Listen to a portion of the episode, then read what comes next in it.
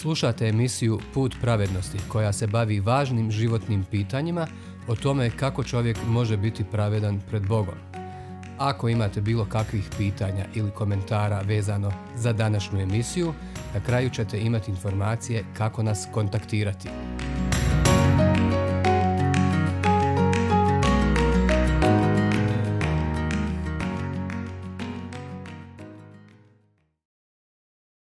Dvije parabole Luka 8 i Matej 13. U prošloj smo emisiji razmatrali Mesijin autoritet i silu, koju je prenio svojim poslanicima, apostolima. Isus je bio i ostao tjelotvorenje sile Božije. Zato je, rekli smo, mogao zaustaviti oluju, izagnati zle duhove iz opsjednutih, iscijeliti bolesne, čak i mrtve vratiti u život. Danas ponovo otvaramo Inđil, to jest evanđelje, da bismo čuli kako je gospod Isus u svojim poukama koristio priče, slike, to jest parabole. Često se služio njima da bi slušaocima prenio istine, jer je golema većina ljudi oko njega bila neuka i nevješta u Božjoj riječi. Mnogi su svakako tu bili samo zbog iscjeljenja tijela, ali ne i duše od grijeha. Također, Isusa su poput duhovnih hijena uvijek pratile i vjerske vođe, samo da bi našle neki povod da ga optuže i pogube. Dakle, Isus je svima njima govorio u parabolama, ali bi čekao da ostane nasamo sa učenicima kako bi im posebno objasnio njihovo značenje. Elem, Bog i danas želi da svako čuje istinu, prihvati je i spasi se. Ali ako zatvaramo srca pred njim, ništa od toga. On se ne nameće nikome. Stalo mu je da budemo tragaoci za istinom, a ne tragači za blagom, slavom ili nečim takvim. Mudrac Solomon piše Ako ga potražiš kao srebro i tragaš za njim kao za skrivenim blagom, tada ćeš shvatiti strah gospodnji i naći ćeš Božje znanje. Mudre izreke, druga glava, četvrti i peti stih. A vi? Kako je sa vama? Težite li više božanskim istinama nego novcu ili bilo kom metku? Da li vam Božja riječ zauzima najviše mjesta u umu i srcu? A možda i ne znate u kakvom stanju vam je srce pred Bogom. Ako je tako, poslušajte pažljivo Isusovu parabolu o sijaču. Nalazimo je u Evanđelju po Luki 8. Evo tih riječi. Kad se skupio silan svijet te iz svakoga grada nagrnuše k njemu, prozbori u prispodobi. Iziđe sijač sijati sjeme. Dok je sijao, jedno pade uz put, bi pogaženo i ptice ga nebeske pozobaše.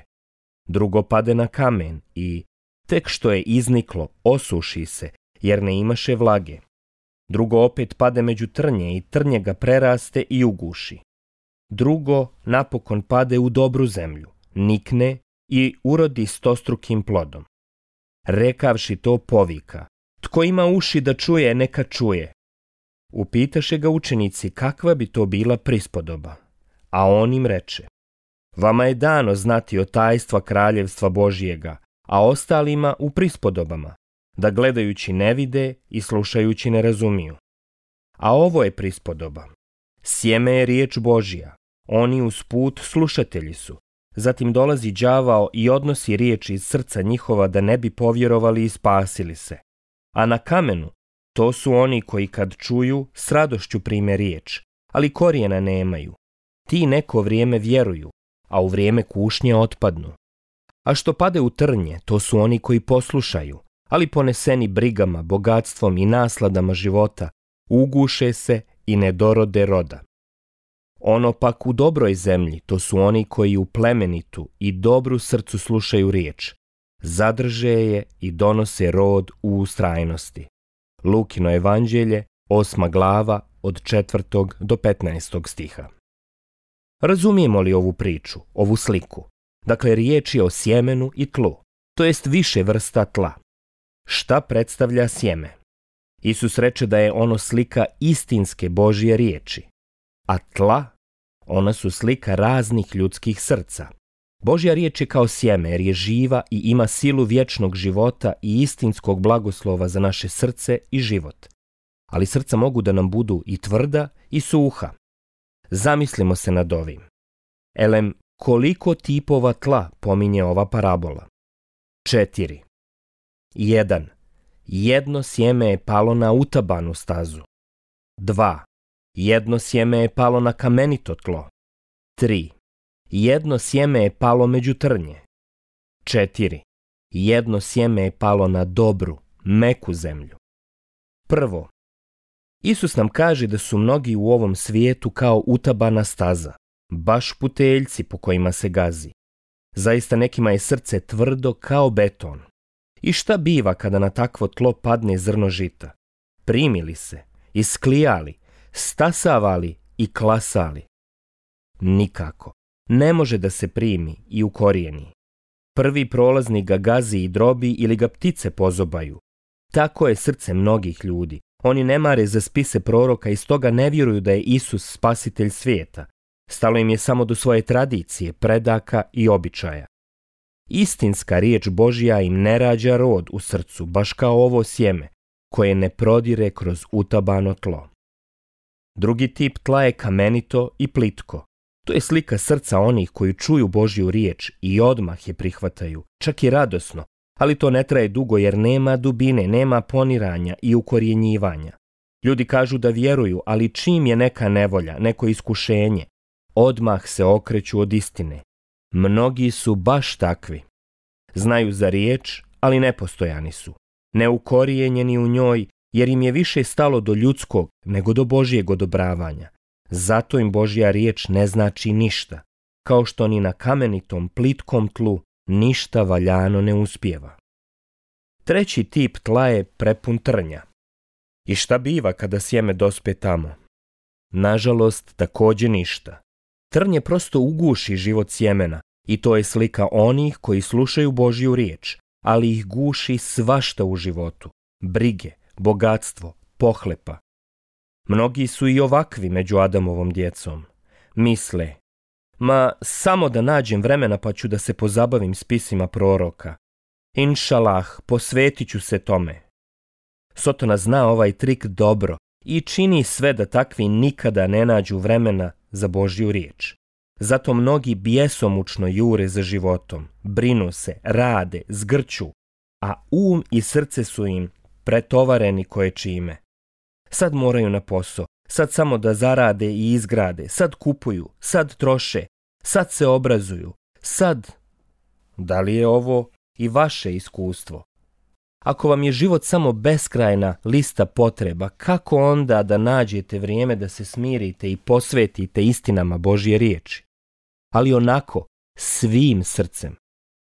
Sjetimo se da smrt svakako jednom dolazi i da se srećemo s vječnošću tada ćemo znati šta je šta, šta je istina, a šta laž. Ali tada će nas stići ono što smo za života zapostavili. Jer nakon smrti više nema pokajanja i preostaje jedino vječna izgubljenost. Elem, četvrta vrsta tla je dobra zemlja. Kada sijač ovdje baci sjeme, ono se i prima i ukorjenjuje. Tada isklija, stasa i klasa. Tada donosi mnogostruki rod. Ovo tlo je slika svih koji spremnog srca prihvataju Božju riječ. Iskreni su, raskajani i žele pravednost i vječni život. Božja riječ je živa i silna. Zato uvijek rađa tamo gdje se ljudi kaju i otvaraju za božansko čudo duhovnog preporoda i života. To je, u najkraćem, Isusova pouka o sijaču. Božja riječ je kao dobro sjeme, a naše su srca kao utabana staza. I šta je neophodno da bi sjeme doprlo do nas? Duboko oranje. Da, potrebno je da se slomimo, raskajemo, ponizimo, spremimo za Božju riječ.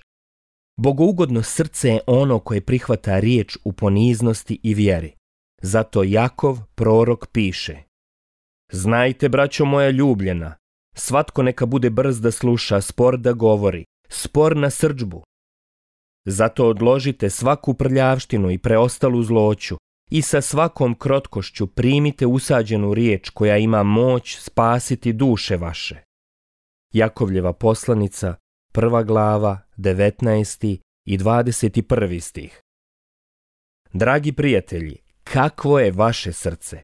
Kakvo je ono tlo? Ponizno i izorano kajanjem, spremno da primi sve što mu Bog poručuje u svetom pismu po svojim prorocima raste li to sjeme riječi u vama? Ili smo puni trnja, ili smo plitki i kameniti? Božija riječ je uvijek dobro sjeme, ali prima se i rađa, donosi život i blagoslove, samo onima čija srca iskreno vjeruju u poslušnosti. Ali evo još jedne ratarske parabole koju je Isus ispričao slušaocima. Ona govori o korovu. Poslušajmo je. Drugu im prispodobu iznese kraljevstvo je nebesko kao kad čovjek posije dobro sjeme na svojoj njivi.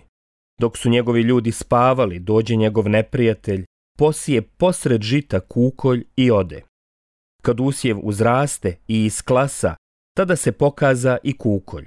Sluge pristupe domaćinu pa mu reknu Gospodaru, nisi li ti dobro sjeme posijao na svojoj njivi? Odakle onda kukolj? On im odgovori Neprijatelj čovjek to učini. Na to usluge kažu, hoćeš li dakle da odemo pa da ga pokupimo? A on reče, ne. Da ne biste sabirući kukolj iščupali zajedno s njim i pšenicu. Pustite nek oboje raste do žetve. U vrijeme žetve reći ću žeteocima. Pokupite najprije kukolj i svežite ga u snopove da se spali, a žito skupite u moju žitnicu. Tada otpusti mnoštvo i uđe u kuću. Pristupe mu učenici govoreći, razjasni nam prispodobu o kukolju na njivi. On odgovori, sijač dobroga sjemena jeste sin čovječiji.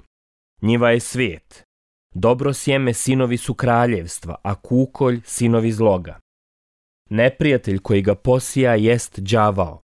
Žetva je svršetak svijeta, a žeteoci anđeli. Kao što se kukolj sabire i ognjem sažiže, tako će biti na svršetku svijeta.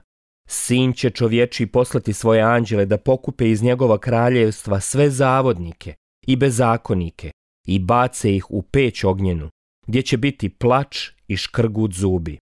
Tada će pravednici zasjati poput sunca u kraljevstvu oca svojega. Tko ima uši, neka čuje. Matejevo evanđelje, 13. glava, od 24. do 30. stiha i od 36. do 43. stiha. Amen. Ovom slikom Isus poredi svijet sa njivom na kojoj je stasala pšenica. Sijač je Isus, Mesija. Stasala klasala pšenica je slika vjerujućih, djece Božije, Mesijinih učenika. Đavo je onaj neprijatelj koji je posijao korov, nešto što Bog ne želi. Korov je slika svih koji nevjerstvom odbijaju božansku riječ. Žetva je dan suda. Požnjevena pšenica i iskupljeno žito su slika onih kojima je darovano pravo da zauvijek žive s Bogom. A korov, on se skuplja i baca u vatru. Slika je to vječnog ognja, mjesta u koje će Bog zauvijek poslati sve one koji su svojevoljno odlučili prkositi mu. Dragi prijatelji, Šta je sa nama? Da li smo plemenito žito ili nekorisni korov? Ispitajte svoje srce. Dan suda dolazi. Imate li pouzdanje za taj trenutak? Ako srcem vjerujete, ne morate da ga se bojite. Ako ste se predali pozivu dobre vijesti, Inđila, o spasitelju koji je došao izbaviti nas od vječnog ognja. Isus je Mesija i rado spasava, ali nevjerujućima mora suditi. Zato i kaže, zaista, zaista kažem vam, tko sluša moju riječ i vjeruje onomu koji me posla, ima život vječni i ne dolazi na sud, nego je prešao iz smrti u život. Ivanovo evanđelje, peta glava, 24. stih. Hvala što ste i danas bili sa nama. Sljedeći put, inšalah, nastavljamo proučavanje evanđelja i govorimo o tome kako je Isus čudom nahranio više od hiljada ljudi sa samo pet hljebova i dvije ribe. Neka vas Bog blagoslovi u svemu što ste danas čuli, a posebno dok na kraju razmišljate o blaženim riječima gospoda Isusa. Tko ima uši, neka čuje. Matejevo evanđelje, 13. glava, 43. stih.